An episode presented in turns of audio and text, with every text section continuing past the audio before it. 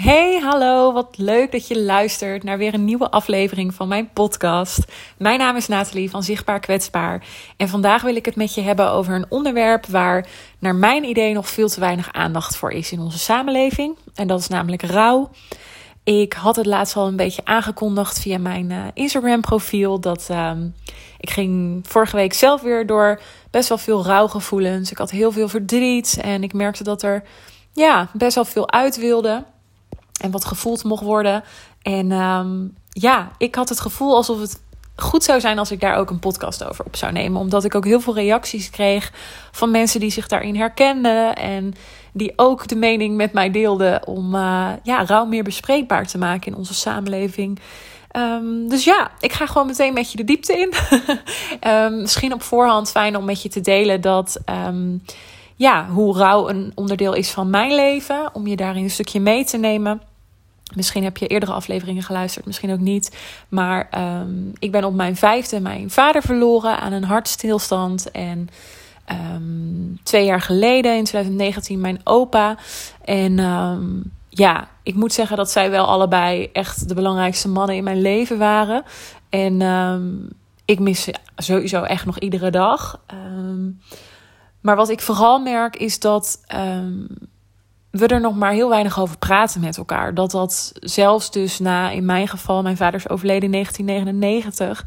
Dus uh, ja, reken maar uit. Dat is inmiddels gewoon 22 jaar geleden. Zelfs dan heeft het natuurlijk gewoon nog invloed. Want ja, in mijn geval, ik mis hem gewoon nog iedere dag bij alles wat ik doe natuurlijk. Maar vooral ook op die grote momenten in je leven. Dat je, nou ja, um, op het moment dat je dingen wil bespreken met, met een ouder, hè, of dat je iets moois meemaakt en dat heel graag wil delen, um, en dat je voelt dat, dat iemand trots op je is. Dat, ja, ik moet wel zeggen dat ik dat, uh, hoe ouder ik word, hoe, hoe sterker het gemis eigenlijk daarin wordt. Ik ben natuurlijk onlangs mijn eigen bedrijf begonnen. Dat zijn dan toch allemaal wel dingen waarvan je denkt, ja, hoe te gek zou het zijn geweest als hij dit uh, meemaakte. Maar um, waar ik je vandaag in mee wil nemen is hoe ik eigenlijk omga met rouw. Um, ik geloof erin dat er geen, um, geen regels voor zijn en dat er ook geen, geen tempo is waarin je met rouw omgaat. ik denk dat het voor iedereen heel verschillend ook is. en dat het vooral belangrijk is dat je mag ontdekken dat het er mag zijn. En dat je het ruimte mag geven. Want we zijn heel snel geneigd om ons verdriet uh, alleen te dragen of vooral niet te delen met anderen. Um, we verzetten ons er bijvoorbeeld tegen, want we hebben er geen zin in. Het komt niet uit. En ik herken dat echt allemaal, want uh, daar ga ik regelmatig ook zelf nog steeds doorheen. Um, plus, het overkomt mij dan wel eens dat ik merk dat ik al een paar dagen ja, een beetje van de leg ben en dan kan ik het niet zo goed duiden. Misschien herken je dat wel als je zelf ook met verlies te maken hebt gehad. Dat je dan na een paar dagen ineens de klik als het ware voelt en denkt: oh ja, ik mis diegene gewoon weer heel erg. Um, ja, en wat ik voorheen vroeger echt deed, was dan gewoon maar afleiding zoeken en doorgaan. Um, ja, in de vorm van ging de hele avond Netflixen. Nou is dat soms op zijn tijd natuurlijk helemaal niet erg en heerlijk. Maar op het moment dat je jezelf eigenlijk gaat afleiden van datgene wat je, ja, wat gevoeld wil worden, zeg maar, dan ga je jezelf eigenlijk best wel in de weg zitten. Um, dus wat ik steeds vaker probeer te doen op het moment dat ik, nou ja, zoals vorige week, ik had heel veel huilbuien, ik had weinig eetlust. Um, ja, ik voelde echt heel veel onrust ook in mijn lichaam en ik sliep slechter. Um, ja, wat ik vaak doe is dat ik ga schrijven. Um, het helpt mij altijd heel erg om mijn gedachten en mijn gevoelens dus ook vooral woorden te geven. Um, en op papier kan ik het dan altijd kwijt. Want ja, papier, dat is er gewoon. En je kunt er dan ook even echt een momentje voor pakken. En wat ik regelmatig fijn vind, is om ook dan van tevoren of daarna een meditatie te doen. Zodat je eigenlijk jezelf dus even niet wegmaakt van al die gevoelens die je ervaart, maar dat je er gewoon even letterlijk ruimte voor maakt. Want dan kan het er ook echt even zijn en dan kan het ook echt even uiting krijgen. Um, want die tranen willen er natuurlijk gewoon uit. En hoe meer wij er tegen gaan vechten, doorgaans, hoe, ja, hoe heftiger dat verdriet ook wordt. En dat je soms bijna gefrustreerd kan raken, omdat je ja, misschien wel iets gepland had die dag. Of um, ja, het, lastig vindt om, om ja, die gevoelens ook toe te laten. En dat je misschien zelfs soms wel alleen door voelt of paniekerig, omdat je ja, je soms het gevoel kunt hebben dat je de enige bent. Ook dat herken ik heel erg. Ehm, ja, dus dat zijn wel echt dingen die ik voor mezelf de laatste tijd ook meer probeer te doen op die momenten. Omdat het zo verleidelijk is om er maar van af te willen, zeg maar.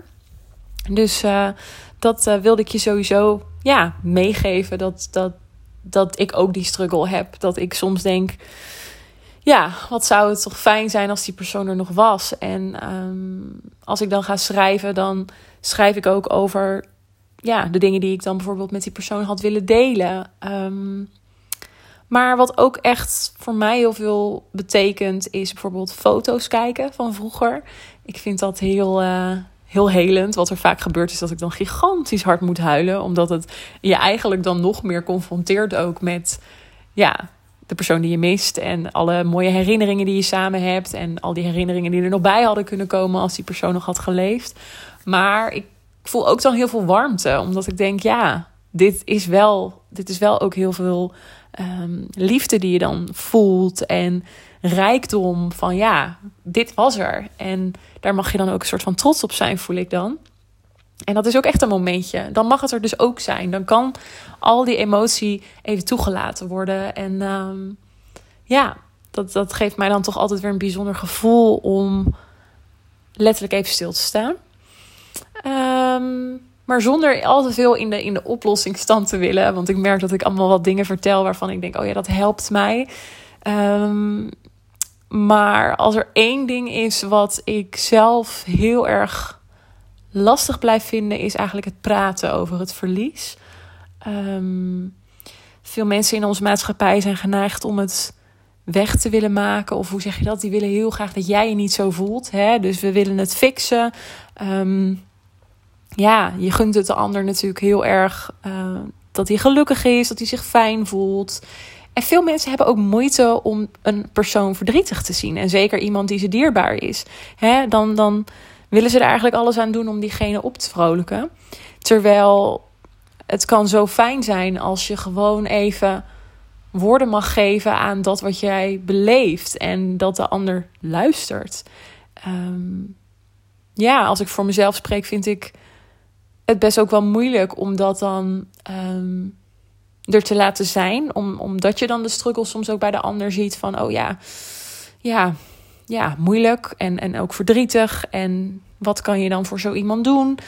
Ehm, ja, ik denk dat we er veel meer naartoe mogen dat, ehm, dat sommige dingen er soms wat meer mogen zijn, zonder daar meteen een oplossing voor te willen zoeken. En als het om rouw gaat, kijk, ik heb het nu heel erg over het verliezen van een dierbare, maar dit zit natuurlijk in zoveel meer dingen. Rouw is ook je baan verliezen. Rouw is ook een verhuizing. Rouw is ook een vriendschap die uh, stopt, een relatie die overgaat, een contact wat je verloren bent, waarvan je eigenlijk had gehoopt dat het zou blijven. Rouw is echt zoveel meer dan uh, de dood. Dat um, ja, vind ik eigenlijk ook wel een hele belangrijke om te noemen, omdat we het heel erg associëren, denk ik, met overlijden. En dat is ook natuurlijk heel begrijpelijk, want dat is ook wel de heftigste vorm, denk ik. Um, maar verlies zit in zoveel dingen. En uh, gaat ook gepaard gewoon met hele grote veranderingen. Dus dat vraagt ook om ruimte. Als ik bijvoorbeeld nog een voorbeeld uh, kan noemen, is het bijvoorbeeld mijn verhuizing die eraan gaat komen de aankomende tijd. Ik merk dat ik dat ontzettend spannend vind. Dat is ook een stukje veiligheid wat je gewend bent. En ja, ik kan wel stellen dat ik ook echt aan het rouwen ben om dat dat straks voorbij is. Dat deze plek, dat ik die mag gaan loslaten. Um, en dat ik ruimte mag maken voor iets nieuws in dit geval. Maar uh, ja, dat uh, is ook geen makkelijk proces, kan ik je vertellen. En daar kan ik echt ook wel uh, ja, flinke huilbuien om hebben of heel onzeker van raken. Dus ja, rouw wil gevoeld worden. Rouw laat zich niet, um, laat zich niet drukken in een bepaalde ja, fase als je het mij vraagt. Tuurlijk zijn er een soort van fases waar je doorheen gaat als het je net gebeurt. Hè? Een stukje um, ongeloof, een stukje diep verdriet, een stukje woede. Waarom overkomt mij dit? Daar zijn natuurlijk allerlei dingen over bekend waar je als mens veel al doorheen gaat op het moment dat je te maken krijgt met rouw. Maar ja, als, als er iets is waarvan ik denk dat heeft mij heel erg geholpen om dat te beseffen. En wat ik jou dus ook in deze podcastaflevering heel graag mee wil geven, is geef het ruimte. Heb het erover met mensen waarvan jij het gevoel hebt, daar is het veilig. En ehm, deze mensen luisteren ook echt en komen niet meteen met een oplossing. Ehm, en vaak zul je toch merken dat dat de meeste mensen die zelf ooit een vorm van rouw hebben doorstaan of door, doorleefd bedoel ik, en die daar uh, van dichtbij mee te maken hebben gehad, die zullen je waarschijnlijk als beste begrijpen, omdat het ook iets is dat als wanneer je het niet hebt meegemaakt, dat is ook maar goed ook, hè? Daar, daar ben je natuurlijk blij om voor die ander, maar dan is het heel moeilijk om je, ja, om daadwerkelijk je te verplaatsen in die ander, hoe graag je dat ook wil, maar ja, weet je, dat, dat merk ik zelf ook. Ik, um, ik heb vorig jaar, um, volgens mij was dat oktober, september, heb ik op een gegeven moment een oproep geplaatst. Um, misschien heb je dat destijds wel meegekregen, maar misschien ook helemaal niet. Misschien uh, volgt hij me toch nog niet. toen was ik op zoek naar mensen die, zeg maar net als ik, heel jong en ouder waren verloren. Ik voelde namelijk steeds vaker dat ik dacht: ja, er zijn toch zoveel mensen die, die dit meemaken. Het kan toch niet zo zijn dat ik niemand ken die, uh, ja, bij wie dat ook uh, gebeurd is en bij wie dat ook nog veel impact heeft op zijn leven. Um, en ik heb dat toen geplaatst in een post. En um, nou ja, een soort van oproep was het eigenlijk. En daar kwamen zo ontzettend veel reacties op. Ik heb me daar toen echt over verbaasd. Het werd ook super liefdevol gedeeld door allemaal mensen die nou ja, het mij ook gunden hè, om met zo iemand in contact te komen. En uiteindelijk heb ik daar um, twee dames uitgekozen met wie ik ook uh, heb afgesproken. Dat is echt bizar. En dat waren allebei zulke mooie gesprekken. Het. Ja, het waren allebei vrouwen die hun vader waren verloren. En uh, ja, allebei, allebei zulke mooie, ja, echt zulke mooie gesprekken waarvan ik gewoon voelde, we hoeven elkaar niet heel veel uit te leggen. We snappen wat de ander bedoelt. Um, je loopt tegen dezelfde dingen aan in bepaalde opzichten en momenten van je leven. Um, ja, het voelde meteen heel vertrouwd. En ik moet je zeggen dat ik wel um, ook na aan het denken ben over hoe ik daar meer vorm aan kan geven. dat is een kleine, nou, voortproefje misschien op wat er binnen mijn bedrijf nog meer aan gaat komen in de toekomst. Um, maar ik vind het heel belangrijk dat uh, mensen elkaar kunnen vinden. Zoals ik op zoek ging naar iemand die uh, met mij wilde kletsen over datgene wat ik had meegemaakt. En dat die ander dat ook had meegemaakt. Zodat je ja, daar letterlijk elkaar in, in begrijpt en voelt en mee kan denken. Um, maar vooral ja, het erover kan hebben met iemand die hetzelfde heeft meegemaakt. Ja, ik voel wel echt dat dat een enorme kracht is van verbinding. En zeker in een tijd waarin we nu leven, um, ja, is dat denk ik nog belangrijker dan ooit. Om je te realiseren dat je echt niet de enige bent die zoiets meemaakt. Dus um, ja, een klein, ja, nogmaals, een klein voorproefje van wat ik van plan ben. Omdat ik er echt in geloof dat. Um, ja, dat we op zo'n thema nog veel meer met elkaar kunnen verbinden. En dat elkaars verhalen daarin aanhoren. En um, beseffen dat zoveel meer mensen meemaken wat jij ook meemaakt. En dat je daar ook heel veel kracht uit kunt halen. Want ook die twee gesprekken waren allebei heel anders. Hè? Um, dat, dat was zo waardevol. Dus ik ben ook echt heel erg dankbaar dat ik mezelf toen heel kwetsbaar heb opgesteld. Door op Instagram daar ja, daar een oproep voor te plaatsen. En dat daar dus meteen ook zoveel reactie op kwam. Echt mega bijzonder. En zo zie je maar weer, ja, je bent nooit alleen. En er zijn zoveel mensen die, uh, die dit meemaken. Dus um, ik zit nog even hard op te denken. Ik, ik maak deze podcast eigenlijk spontaan. Ik uh, bereid het nooit echt heel erg voor, moet ik zeggen. Um, ik vind het gewoon mooi dat, ja, dat je gewoon kan gaan praten. En dat, uh, ja, dat jij dit nu luistert en dat je er hopelijk iets moois voor jezelf uithaalt rondom dit thema van rouw. En um, schroom ook zeker niet om met mij te delen wat, uh, ja, wat je opkomt uh, tijdens het luisteren hiervan of wat je eruit meeneemt. Of uh, als jij jouw verhaal wil delen, weet dan dat je heel erg welkom bent. Um, ik luister met liefde naar je. En ja, laten we samen zorgen voor een wereld waarin er meer gesproken ook mag worden over wat rouw met je doet. En nou ja, hoe het ook heel erg in je lijf kan gaan zitten.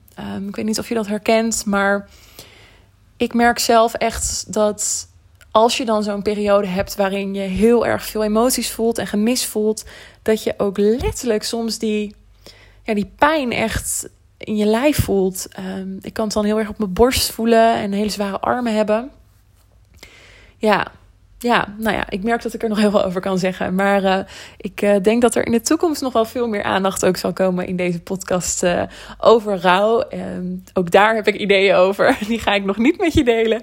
Maar ja, weet dat, um, dat dit echt een groot onderdeel gaat zijn ook van mijn bedrijf. En dat ik het heel belangrijk vind om mensen hierin te verbinden met elkaar.